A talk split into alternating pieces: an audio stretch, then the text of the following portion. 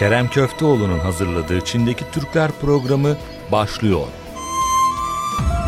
Doğudaki tanıtım elçilerimizle buluşmaya devam ediyoruz. Çin'deki Türkler programında bugün Orkun Öztürk ile buluşuyoruz. Orkun Bey öncelikle hoş geldiniz. Bize kısaca kendinizden bahseder misiniz? Hangi eğitimi aldınız ve Çin'le nasıl, ne zaman tanıştınız? Tabii Kerem Bey. Ee, ben gençlik yıllarımın çoğunu Almanya'da geçirdim. Ee, liseyi Almanya'da okudum. Ee, liseden uluslararası bakalorya diplomasıyla mezun olduğum için e, birçok Avrupa, e, Amerika, İngil İngiliz üniversitelerine e, direkt girebiliyordum. Puanlarım da yetiyordu bunlara. Fakat bu üniversite arayışım içerisinde Avrupa'nın artık genç girişimciler için uygun koşullar sağlamadığını fark etmeye başlamıştım. Bu sebeple yüzümü bir nevi doğuya çevirdim. Çin'i araştırmaya başladım. Çin'de hayat nasıldır? Çin'de iş olanakları nelerdir?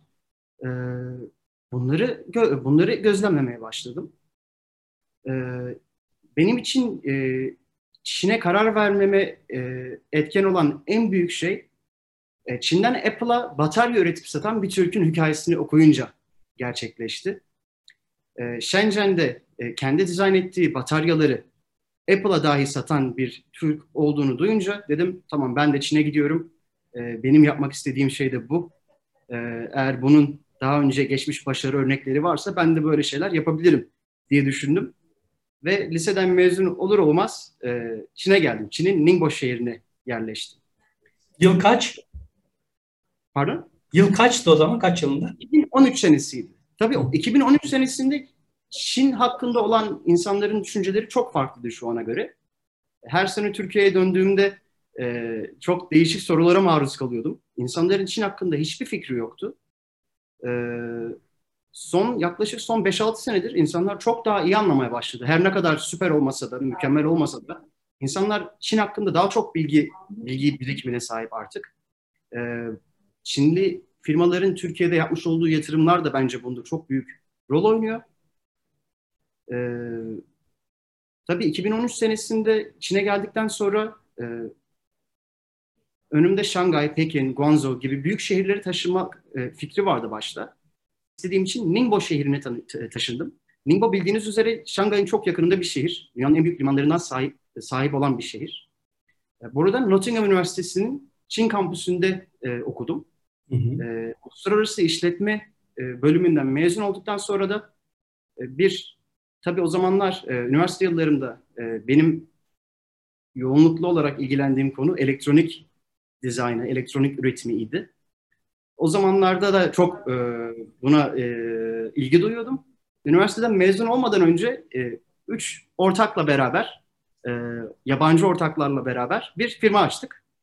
Aslında benim için gerçek üniversite deneyimi de bu oldu. Gerçek eğitim deneyimi bu oldu. Çünkü orada Çin'deki iş kültürü nasıldır? Çin'de nasıl üretim yapılır? Devletin yabancı girişimcilere sunduğu ne gibi imkanlar vardır? Bunları hep yaparak öğrenmek zorunda kaldım.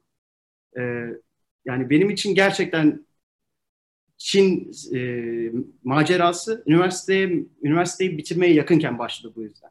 Ve şu an ne yapıyorsun? Şu an ne yapıyorsun tam olarak? Şu an e, elektronik üretim yapan, e, elektronik üretim yapmak isteyen girişimcilere ön ayak olan bir firmada e, pazarlama müdürü olarak çalışıyorum. Yani daha önceden benim yaptığım şeyi şu an her gün başka insanlar için yapıyoruz. E, Next PCB. Next PCB. Evet, Next PCB, evet. Bir açılımı var mı bunun? Yani bu kısa Next, adım. Hı. E, Next aslında Next'ten geliyor. Next PCB de şöyle başladı aslında. E, bizim de bizim firmamızın sahibi de gençlik yıllarında e, elektroniğe e, ilgi duyduğu için e, böyle bir proje başlatmış. E, yurt dışında okuduğu zamanlar yahu İsviçre'deki e, öğrenciler, İsveç'teki, Amerika'daki öğrenciler neden dizayn ettikleri elektronik ürünleri üretemiyorlar gibi bir soruyla başlamış. Fakat bundan sonra fark etmiş ki sadece bu elektronikte kalmıyor. Yani bunun e, elektronik parçaların paketlenmesinden tutun e, dış tasarımı, e, bunların kalite kontrolü birçok şey var. Next PCB de bu yüzden after PCB yani PCB'den sonrası anlamına geldiği için bu şekilde e, isimlendirilmiş. Hı hı, hı. Ee, daha önce e, sizinle yaptığımız sohbetten biliyorum işte Kalde firmasının Çin'deki tanıtım pazarlamasına destek verdiniz. Burada da bir takım deneyimler mutlaka edindiniz. Bu deneyimlerden yola çıkarak e, Çin'de marka olmak için ilk etapta neler yapılması gerekir?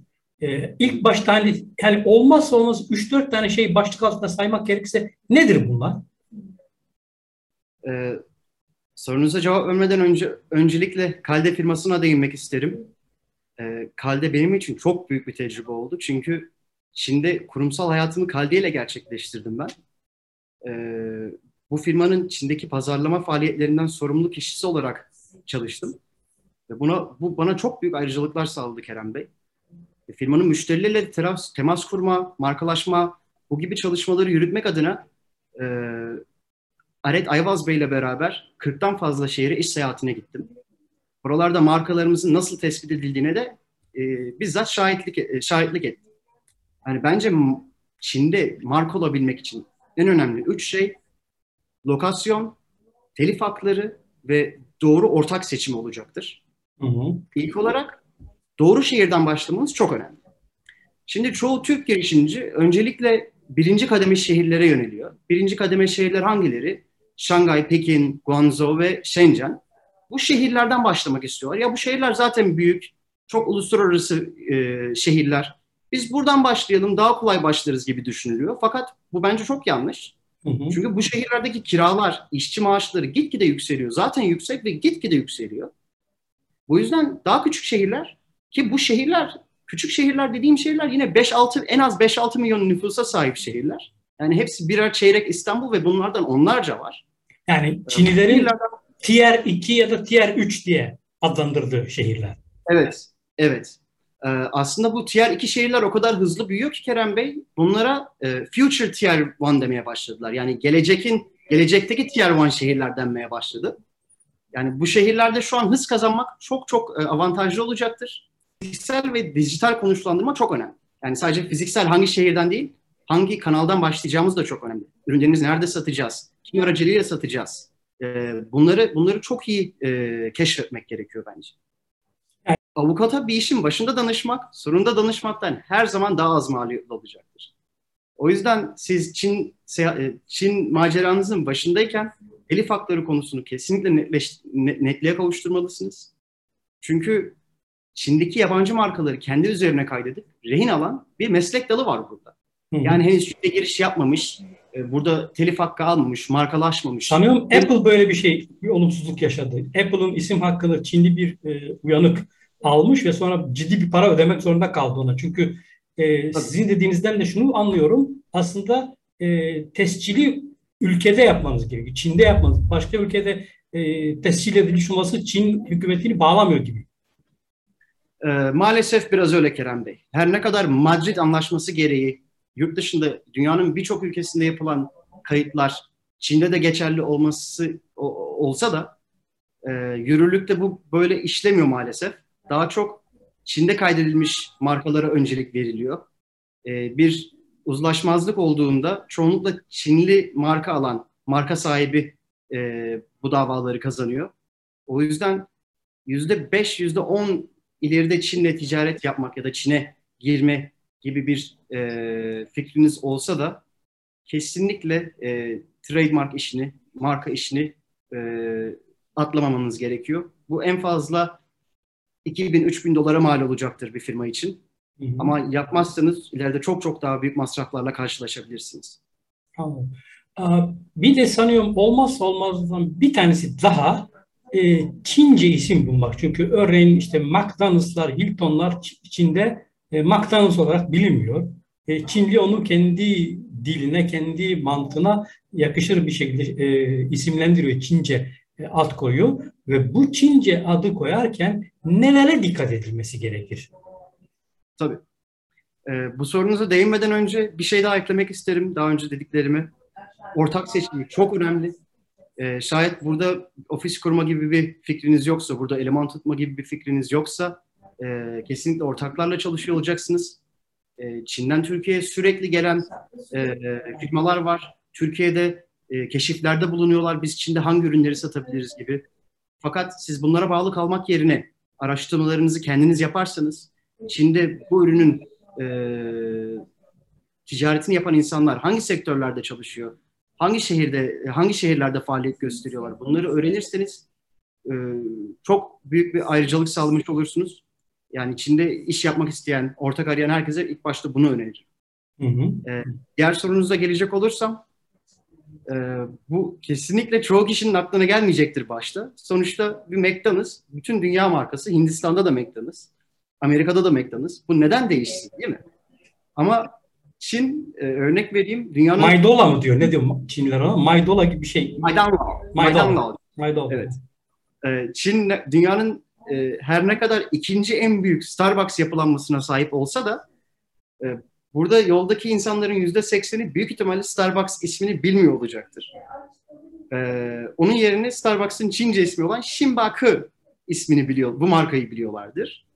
E, bunun sebebi Çinlilerin Çinlilerin markaları, yabancı markaları, yabancı isimleri telaffuz edememesi. Yani insan isimlerinde de, marka isimlerinde de, şehir isimlerinde de tamamen Çince karakterler kullanılarak, Çince heceler kullanılarak düzenleniyor bu e, isim tercümeleri. E, bunun için aslında e, küçük bir tüyo var. E, çoğu insanın bilmediği, bunu size paylaşmak isterim. E, Çince'de e, 417 adet yabancı isimlerde kullanılan karakter var. Yani bir yabancı bir isim, yabancı bir şehir adı, yabancı bir firma adı Çince'ye girdiğinde bu 417 karakterlerden iki ya da üçü kullanılarak e, uygun bir şekilde tercüme edilebiliyor bu isimler. E, bu, bu karakterleri kullanarak, e, bu karakterleri de ben e, kendi web sitemde paylaşıyor olacağım. Orkun.cn sitesinde. Şayet firmalarına isim koymayı düşünen e, Türk girişimciler varsa o karakterlerden çağrışımlar yaparak e, e, firmalarını, markalarını isimlendirebilirler Çin'de. Ee, yanlış konmuş bir isim, hiç böyle bir olumsuz bir örnek var mı bildiğiniz? Yani çünkü bilmeden kendisi bir şey koyar, onu bir Çinceleştirir fakat bu Çinliye belki kötü bir şey çağrıştırır. Böyle bir ders alınması anlamında böyle bir örnek paylaşabilir misiniz? Var mı böyle bildiğiniz, duyduğunuz? Tabii. Ee, örneğin Çince'de e, sı kelimesi ölüm anlamına gelir. Bu yüzden insan isimlerinde, bina isimlerinde, havalimanlarında, markalarda kesinlikle bu sı kullanılmamaya çalışır. Ee, İngilizce, özellikle İngilizceden kelime, gelen kelimelerin çoğunda da S harfiyle başladığı için yabancı firmalar sı diye başlıyorlar şeylerini, isimlerini. Ve bu çok yanlış çünkü gerçekten büyük bir e, batıl inanç var burada. Hatta binaların e, dördüncü katı da yok. Çünkü dört aynı zamanda onun da ismi sı olduğu için dört, e, dört rakamının tercümesi de sı olduğu için e, Çinliler sığlı şeylerden çok uzak durmaya çalışıyor.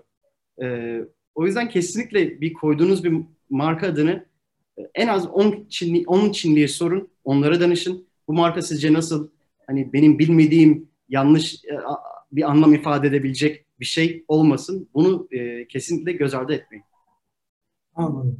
Ee, bir de sanıyorum e, Çince e, bir web siteleri hazırlamaları gerekiyor şirketlerin ve markalarını tanıtmak için. Fakat burada da sanıyorum e, hosting dediğimiz barındırma hizmetinin Çin'den alınıyor olması çok daha önerilir. Buna neden ihtiyaç duyulur? Bunun Çin'den hostinginin barındırma hizmetinin alınmasıyla Türkiye'den alınması arasındaki fark nedir sizce? Şöyle özetleyeyim. Bu bu arada bu çok e, önemli bir soru bence Kerem Bey. Çünkü çoğu firma bunu atlıyor. E, web sitesini iki günde halledebilecekleri bir şey olarak görüyorlar. Aslında Çin'de bir web sitesi e, kaydı yapmak e, haftalar süren bir iş.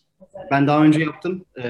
İhtiyacınız yoksa yapmayın derim, tavsiye etmem. Çünkü gerçekten çok sıkıntılı. Bir sürü yabancı firmalar için özellikle bir sürü sorun çıkarabilecek. Bürokratik engeller. Bürokratik engelleri var. Evet. Hı hı. Çince bir web sitesi açmanın ilk avantajı şu olur. Hız. Çünkü Çin'deki internet aslında bir internet değil, bir intranet bir nevi. Yani kap, dışarıya kapalı bir internet. Siz ne kadar yurt dışındaki bazı sitelere erişim sağlayabiliyor ol, olsanız da e, hızları çok yavaş oluyor. web siteleri çalışmıyor ve bazen hiçbir koşul, e, hiçbir sebep sunmadan bu web siteleri engellenebiliyor. Örne mesela web sitenizde Facebook yazıyor. Aa bu Facebook'la bağlantılı olabilir diyor mesela algoritma. Sizin web sitenizi hiçbir e, yasal e, problem yaratmadığı halde engelleyebiliyor. Bu yüzden eğer Çin'de marka oluşturmak istiyorsanız kesinlikle buradan bir hosting hizmeti almanız lazım. Ee, büyük ihtimalle firma adınızın .cn olacak şekilde alan adını da almanız lazım. Ee, yalnız burada yaşayabileceğiniz bir sorun var. Bu kayıtlar yapılırken Çin'deki bir firmanın lisansı isteniyor. Yani Çin'de bir firmanız yoksa bunu kendiniz yapmanız mümkün değil. Hı hı. İki seçeneğiniz var. Bunlardan biri web hizmetleri sunan, web tasarım hizmetleri sunan firmalardan biriyle çalışmak. Bunlarla bir anlaşma imzalayıp e, alan, adını, alan adını bu firma için park etmek. Yani siz bu firmayla çalıştığınız sürece siz aylık bir ücret ödüyor olacaksınız. Bu, fir, bu firma bu alan adını ve bu web sitesini sizin için e, müşteriye sunuyor olmuş olacak. Yani sanki sizin temsilciniz gibi. Sanki. Sanki. Evet, sizin temsilciniz gibi bir nevi. Sizin e, web sitenizin alan, alan ismini alıp kendileri e, hostingini yapıyorlar. E, anlaşma yapılmasına dikkat edin çünkü eğer web siteniz gerçekten müşteri toplamaya başlarsa, e, ticari hacmi yükselirse e, rehin alınma gibi bir durumu olabilir. O yüzden kesinlikle anlaşmalarla çalışın bu firmalarla derim. İkinci bir yolu da Çinli ortaklarınızdan istemek bunu. Tabii bunun da bazı dezavantajları var. Örneğin bu ortakla çalışmak istemezseniz bütün web siteniz ve e, bütün web internetteki her şeyinizin silinmesine ya da başkasının eline geçmesi gibi bir problemle karşılaşabilirsiniz. Ona emanet etmiş oluyorsunuz bir anlamda. Tabii ki, tabii ki. Yani e, firmanız yoksa her her türlü birine şey yapmanız gerekecek bunu. Vermeniz gerekecek bu web sitesini. Peki e, tam bu noktada bir de şunu öğrenmek istiyorum. Şimdi Çin'de ikimiz de çok iyi biliyoruz ki çok müthiş bir e, sosyal medya kullanımı var. Sosyal medyaları Çin'in kendi yarattığı ve hatta şu anda dünyanın başka ülkelerinde kopya edilen bu sosyal medyalar çok güçlü. O zaman soru şu. Sosyal medyada mı olmalı, webde mi olmalı yoksa ikisinde de mi olmalı? Neden? Güzel bir soru. İnternet kullanımında Çin ve dünyanın diğer ülkelerinde internet kullanımında çok büyük farklılıklar var Kerem Bey. Bunlardan biri mesela e-mail çok az kullanılır Çin'de. Ancak kurumsal yazışmalarda e-mail kullanılır. Ee, iletişimlerin çoğu bunun dışında WeChat üzerinden yapılır. Yani hızlı mesajlaşma programları üzerinden, app'leri üzerinden yapılır. Bunun gibi e, aplikasyon kullanımında ve pazarlama yöntemlerinde de çok büyük farklılıklar var. Mesela yurt dışında bir TikTok var. Çin'de bu TikTok'un Çin e, versiyonu olan aynı firmanın sahibi olduğu e, Douyin var. Bu Douyin dışında da aynı format üzerinden e, içerik sunan Kuaishou diye bir firma var. Bu firmaların, bu ürünlerin aslında en büyük farkı müşteri kitleleri. Yani siz hangi müşteri kitlesine ürün sattığınıza göre seçmeniz gereken platformlarda da büyük farklılıklar olacaktır. Ee, örneğin kozmetik ürünleri satan firmalar Red adlı e, aplikasyonu kullanıp orada pazarlama yapma, yapmalıdır bence. Ee, daha çok gençlere hitap, ed- hitap eden ürünler satıyorsanız kesinlikle Douyin yani TikTok üzerinde bunu yapmanız lazım. Ee, bunun dışında Kuaishou gibi yaklaşık 15 adet sosyal medya platformu var Çin'de aktif kullanılan. Ee, firmanızın endüstrisine göre, yapmış olduğunuz işe göre bunlardan en az iki ya da üçünü seçmelisiniz derim. E, bunun yanı sıra bir de web sitesi olması bir artı mıdır yoksa hani eğer bunları yoğun kullanıyorsanız hedef kitlenize göre web sitesi çok da önemli olmayabilir mi? Nedir durum? Ee, şöyle diyebilirim. Şayet e, Çin'de bir e, fa- henüz faaliyetleriniz yoksa, burada e, bir ortak arıyorsanız kendinize, buradaki distribütör ağınızı genişletmek istiyorsanız, bunun cevabı kesinlikle web sitesinde olacaktır. E, müşterilerle temas için büyük ihtimalle daha çok farklı app'leri kullanacaksınız. Ya da mini app denen bir nevi küçük bir web sitesi olan e, WeChat üzerindeki mini programları kullanacaksınız. Fakat web sitesi kesinlikle firmalar arası faaliyetlerde, firmalar arası temaslarda çok büyük önem taşıyordur. Ve herhangi bir app'in e, reklamını yapmak istiyorsanız yine de bir web sitesine sahip olmak olmanız gerekecek. Anladım. Ee, Çin'e ilk gittiğinizde sizi en çok şaşırtan ve unutamadığım, hala unutamıyorum dediğiniz neler var? Sizden alalım bunları. İnanın o kadar çok var ki yani ilk ilk deneyimlediğim şeyleri anlatırsam büyük ihtimalle bu sohbetimiz bir 3-4 saat sürebilir. O yüzden izin verirseniz ben biraz daha yeni bir anımı anlatmak isterim size. Ee, bu yaşadığım en büyük kültür şoklarından biriydi. Ee, bir iş seyahati sırasında denk gelmiştim. Ee, o zamanlar tercümanlık yapıyorum. Yabancı müşterimin talep ettiği, Çinli, Çinli firmanın da vermek istemediği bir belge var. Yabancı müşterim defalarca talep etse de Çinliler bize bu, bu belgeyi bir türlü vermek istemiyor.